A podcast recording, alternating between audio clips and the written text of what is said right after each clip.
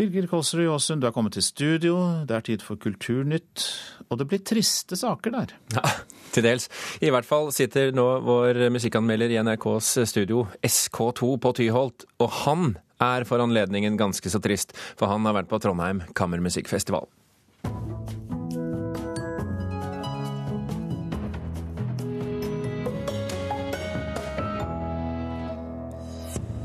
Én av tre kulturtidsskrifter legges ned etter få års drift. Likevel søker stadig flere støtte til produksjon. Ungdommer ved private kreative fagskoler kan risikere å tape opptil 70 000 kroner. Forbrukerombudet er kritisk til skolenes kontrakter. Og I denne sendingen skal du også få møte årets vinner av Kulturrådets ærespris. Fra i dag settes hun i samme kategori som Liv Ullmann, Jan Garbarek og Alf Prøysen. Du hører på Kulturnytt med Birger Kolsrud Aasund i studio. Antallet som søker støtte til produksjon av kulturtidsskrifter øker, samtidig som mange tidsskriftsredaksjoner gir opp etter få år. Få vet hva de går til, mener Tidsskriftsforeningen, men det er ikke folka bak bladet Fanfare enig i. Ja.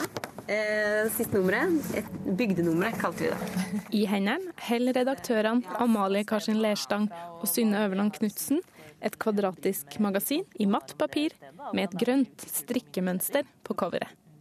Fanfare er et av kulturtidsskriftene som har dukka opp det siste året. Et lite tidsskrift med mål om å konkurrere med de store. Fordi at det var en vanskelig tid og de små aktørene faller ut, da, så ville vi lage et eh, lite tidsskrift i det trykte formatet som kunne stå opp mot de store, store trykte mediene. Og det er mange som jentene bak Fanfare.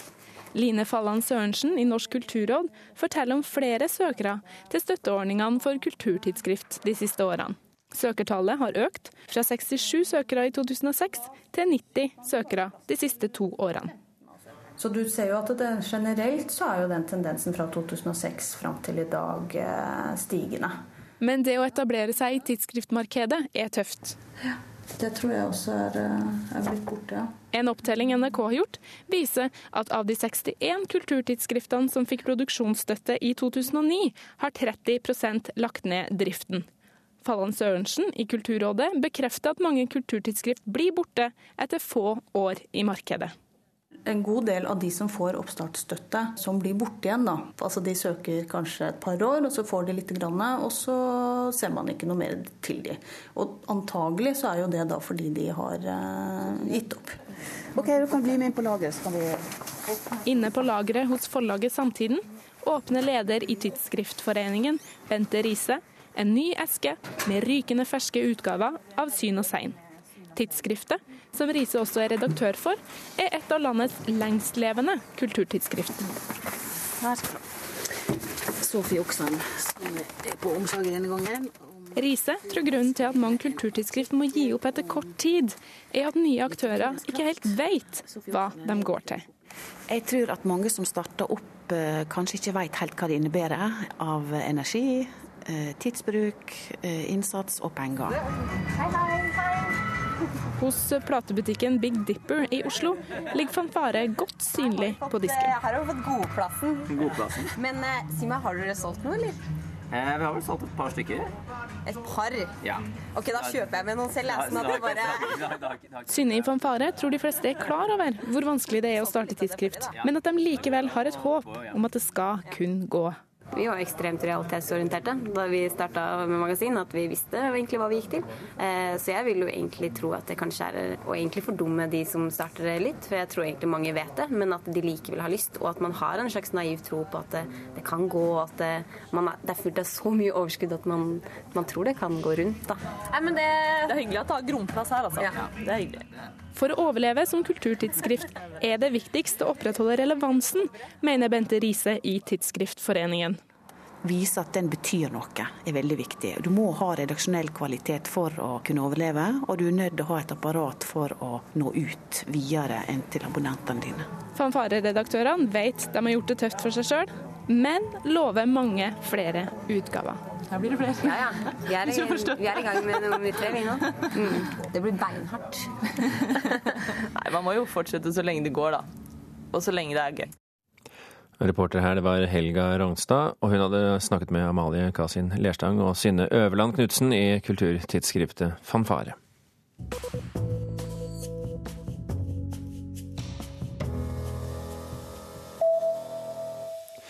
Ungdommer som inngår studiekontrakt med private fagskoler, risikerer å tape opptil 70 000 kroner. Det sier Forbrukerombudet, som mener studiekontraktene ved flere av de private kreative fagskolene ikke holder mål.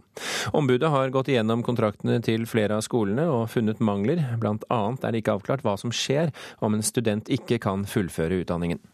Det her er snakk om kontrakter som er eh, ment for eh, ganske unge eh, folk, som ikke har inngått så mange kontrakter før. Hvis de ikke retter opp det, så vil jeg si at det er ganske alvorlig. I verste fall så dreier det seg her om ungdommer som kan risikere å tape opptil 70 000 kroner hvis ikke det her er regulert på en god nok måte. Forbrukerombud Gry Nergård har gått gjennom kontraktene til flere private fagskoler som tilbyr utdanning innen kunst- og kulturfag. De har funnet flere mangler. Hva skjer hvis du blir syk når du har betalt inn 70 000 på, på høsten og blir syk i desember? Kanskje får en sykdom som, som varer ganske lang tid. Eh, du, har du da rett til å få gå studiet om igjen neste år? Kan du få tilbake skolepengene? Sånne ting er vi opptatt av reguleres. Vi er også opptatt av at når du først har starta på et sånt studium som koster så mye, hvis skolen da legger om Eh, studiet sitt underveis, sånn at du ikke får den utdanninga du trengte, eller gjør endringer i studietilbudet. Har du da rett til å få tilbake pengene? Har du rett til å slutte å få tilbake alt du har betalt inn? Eller prisavslag. Sånne ting er vi også opptatt av skal reguleres på en god måte. Den relativt nystartede Musikkteaterhøgskolen i Oslo har danseundervisning. De er en av skolene som får kritikk for mangler i skolekontraktene.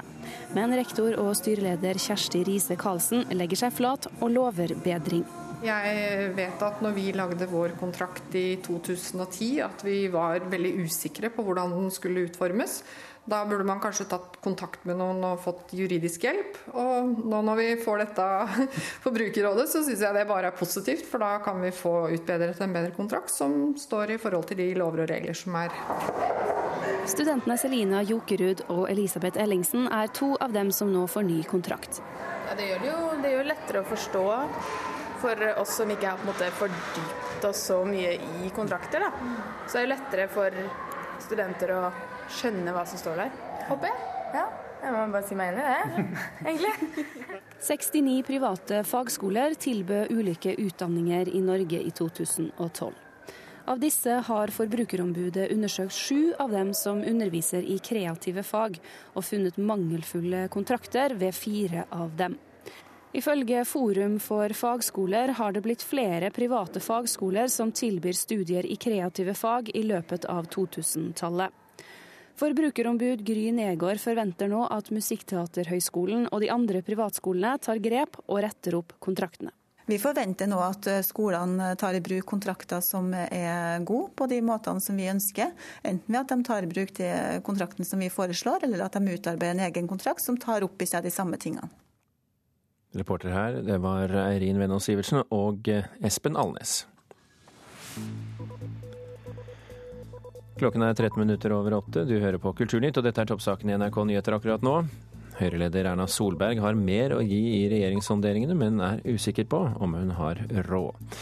Og hardtrening gir lungekreftopererte et bedre liv. Mot slutten av eh, denne Kulturnytt-sendingen eh, så skal du få møte årets vinner av Kulturrådets ærespris, men jeg sier ikke hvem det er. Ikke ennå.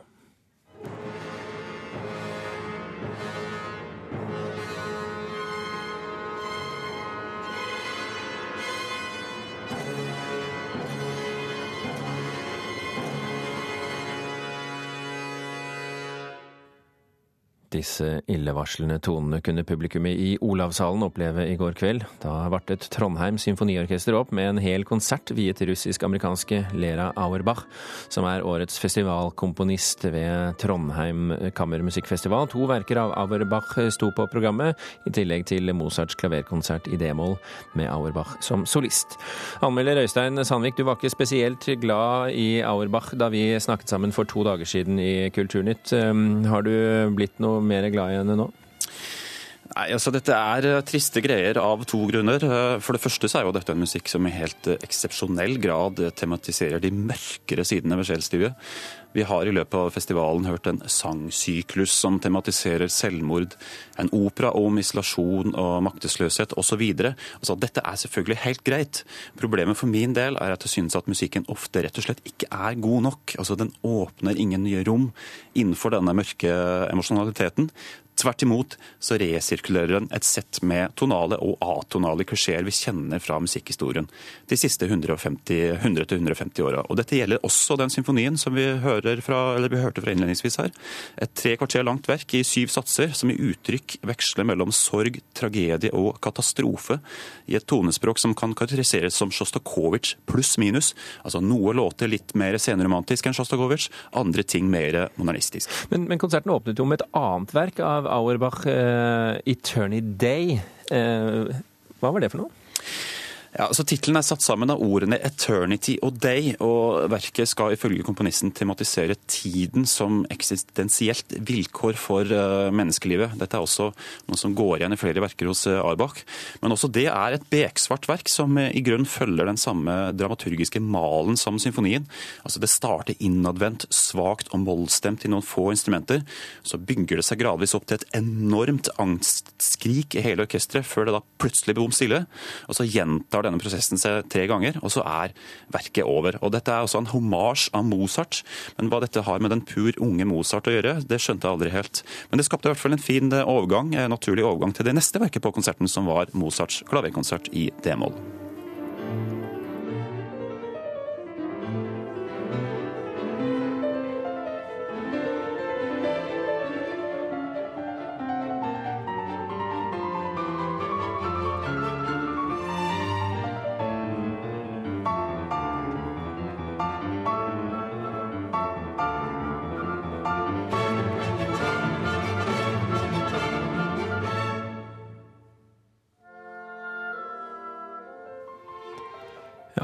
Øystein Sandvik, så er altså festivalkomponisten Lera Auerbach eh, klaversolist sammen med Trondheim Symfoniorkester og dirigent Rolf Gupta. Hvordan fungerte dette, syns du?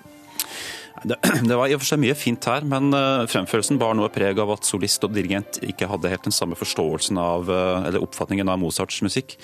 Rolf Gupta la opp til en mer sånn antiromantisk, uh, tydelig artikulert forming av musikken, som påvirka av historisk fremføringspraksis, mens Auerbach står mer i en russisk senromantisk klavertradisjon, så orkester og solist snakket litt forskjellige språk, rett og slett. Det høres ut som hun henger litt etter på et vis. altså at de er litt kjappere i, i orkesteret? Ja, altså i tillegg så led, ja, nettopp. Altså den led også litt under at eh, frasene til Auerbach manglet eh, energi og fremdrift. Altså Som du sier, hun ble litt hengende etter orkesteret på mange partier. Så det virker rett og slett som om solisten manglet det lille ekstra av teknisk overskudd da, som må til for at denne musikken skal få den rette karakteren. Og når vi nå snakker om Trondheim Symfoniorkester, hvordan klarte de seg?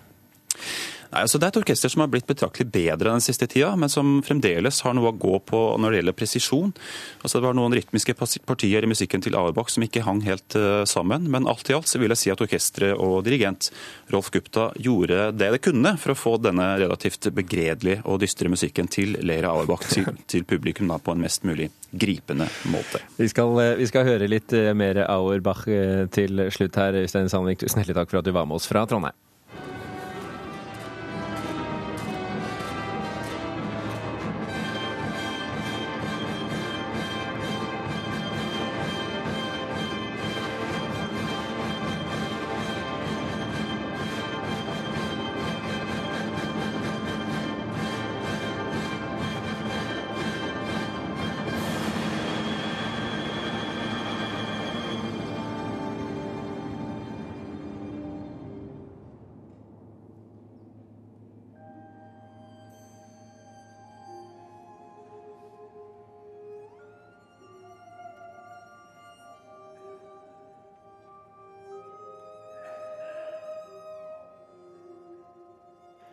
Og dette er altså Lera Auerbachs eh, symfoni nummer én, fremført under Trondheim kammermusikkfestival i går kveld av Trondheim Symfoniorkester under ledelse av eh, Rolf Gupta. Hvis du kan en del samfunnshistorie og har danset litt selv, da får du sannsynligvis mer ut av en klassisk som, eh, konsert som dette her enn andre mennesker gjør. I Trondheim så arrangeres det et tredagers lytteseminar nettopp med mål om å berike konsertopplevelsen til folk.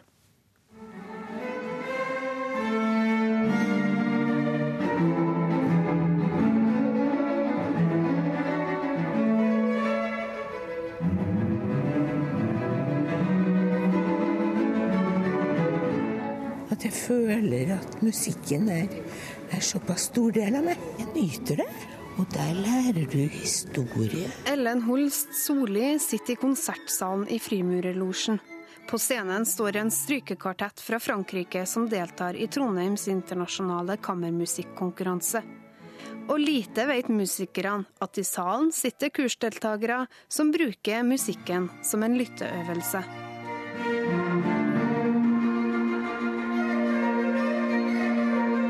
Får jo opp interessen du, av, av, å høre på en som kan så mye. Og han som kan så mye, er leder av lytterseminaret, Erling Dahl jr. Hva har dere lyst til å si om de to uh, Hayden-kvartettene som ligger? Den langsomme satsen det var en slags det som Borchert kaller en poetisk gjenstand. altså noen forskjellige inntrykk smelter sammen til et stort inntrykk. Under lunsjpausen blir dagens musikk evaluert. 20 kursdeltakere i alle aldre og med ulike interesser deltar. Målet er at deltakerne skal få mer utbytte av konsertene, og da må de kan en del samfunnshistorie. Jo mer eh, bakgrunnskunnskap man har, og jo flere bilder kan du lage inni ditt eget hode. Så jeg ser ikke bort fra at det å være god i historie, eller kjenne historien, eller være god til å danse, eh, er ganske berikende når man hører på musikk, for at man kan sette det inn i mange sammenhenger.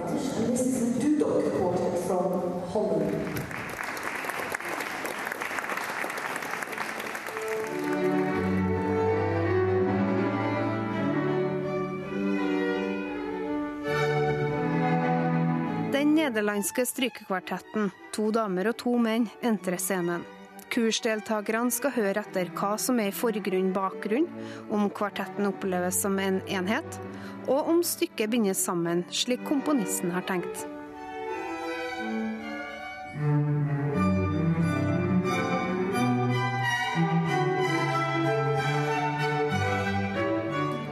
Lært en god del om bakgrunnen til, til de forskjellige stykkene og til komponistene. Og bakgrunnen til, eh, til strykekvartetter. Så vi har fått en del input, slik at det blir lettere, lettere å høre på. Og lettere å forstå, lettere å forstå hvorfor, de, hvorfor de spiller som de spiller. da. Det sier kursdeltaker Anders Havn Hansen, som studerer utøvende musikk ved NTNU. Du får litt mer ut av å gå på konsertene. Jeg tror alle kunne fått litt ut av det hvis de interesserer seg litt, og hvis de liker, hvis de liker det. Blir du en bedre lytter etter et sånt seminar? Ja, det tror jeg. Fordi at du blir mye mer interessert.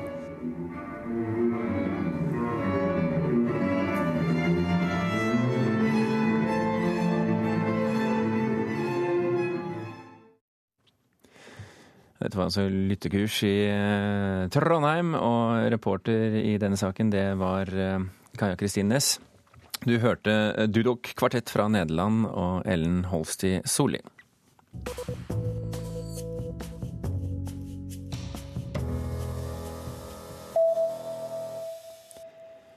Svenskenes svar på Olsenbanden, nemlig Jönssonligaen, skal komme i moderne utgave, ifølge svenske aviser Dagens Nyheter. Regissør eh, Alain Darborg, eller eh, Allan Darborg, jeg vet ikke helt hva han heter, han sier at eh, han skal lage en mørkere kuppfilm i samme gate som den amerikanske suksessen Oceans Eleven. Og det fins allerede tilsvarende filmer som Olsenbanden både i Sverige og Danmark. Kritikken mot Christian Ringnes skulpturpark fortsetter, og nå er det toalettnavnene han har valgt som får gjennomgå, det skriver Dagbladet i dag. Lotte og Marianne er de omstridte navnene, og parkens fremste kritikere, Aftenpostens kommentator Lotte Sandberg og Marianne Sunde i Folkeaksjonen for bevaring av Ekebergskogen, de føler seg truffet. De mener Ringnes latterliggjør kritikken. Men toalettene er oppkalt etter kjærestene til Christian Ringnes og daglig leder for parken Ina Johannessen, sier Johannessen selv.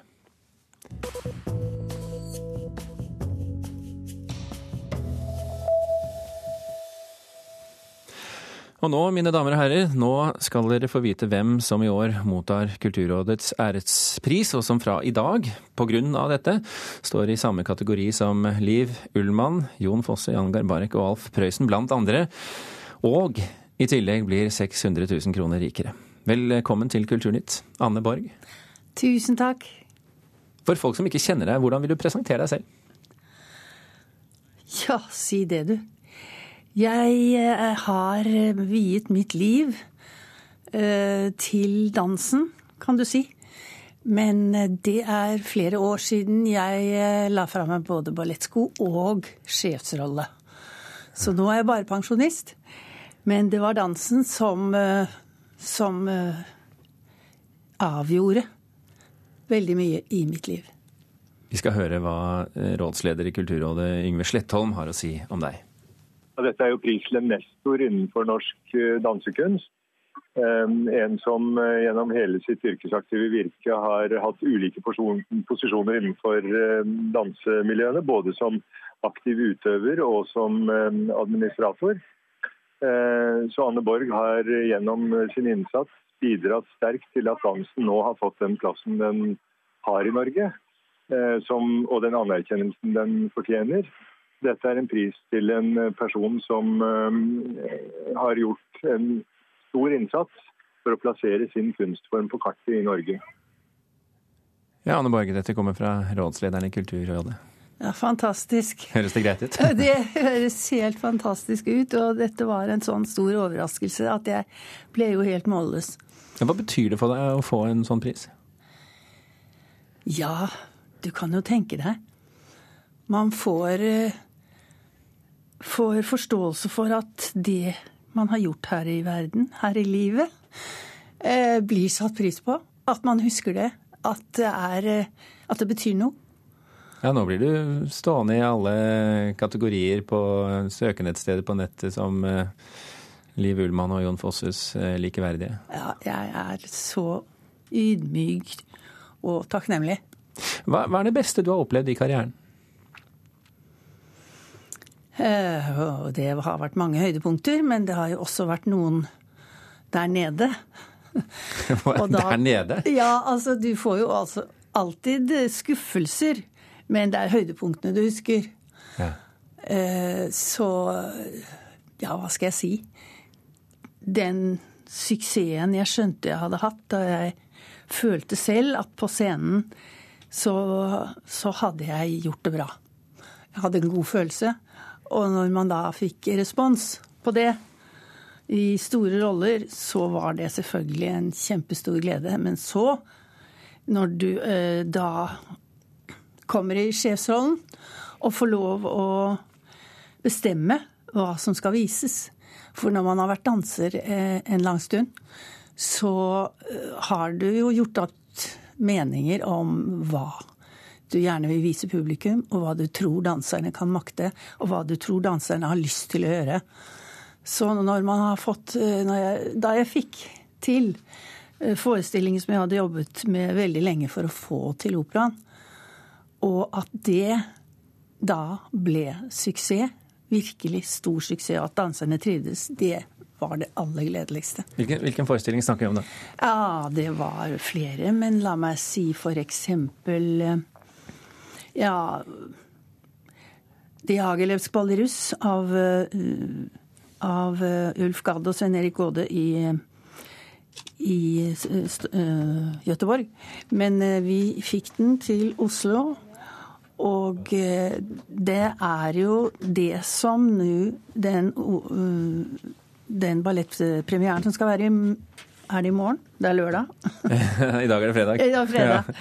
Det er i morgen. Og, og, hun har jo også tatt det samme temaet med denne fantastiske impresarioen Diaglef, som fikk Nisjinskij og Fokin og alle disse til seg. Og dagens eh, Stravinskij alle de gode komponistene også uh, og laget ballerus. Men det, eh, var én ting, og så fikk jeg jo også da Haugtussa av Edith Roger og Barthold Halle. det er, I et sånn karriere som din, så er det jo helt umulig å egentlig sette noen stopper for det. Jeg er nødt til å gjøre det likevel fordi at vi nærmer oss slutten. Tusen hjertelig takk, Anne Borg, for at du kom til Kulturnytt. Per Ivar Nordahl, Gjermund Jappé og Birger Kålsrud Jåsund takker for seg.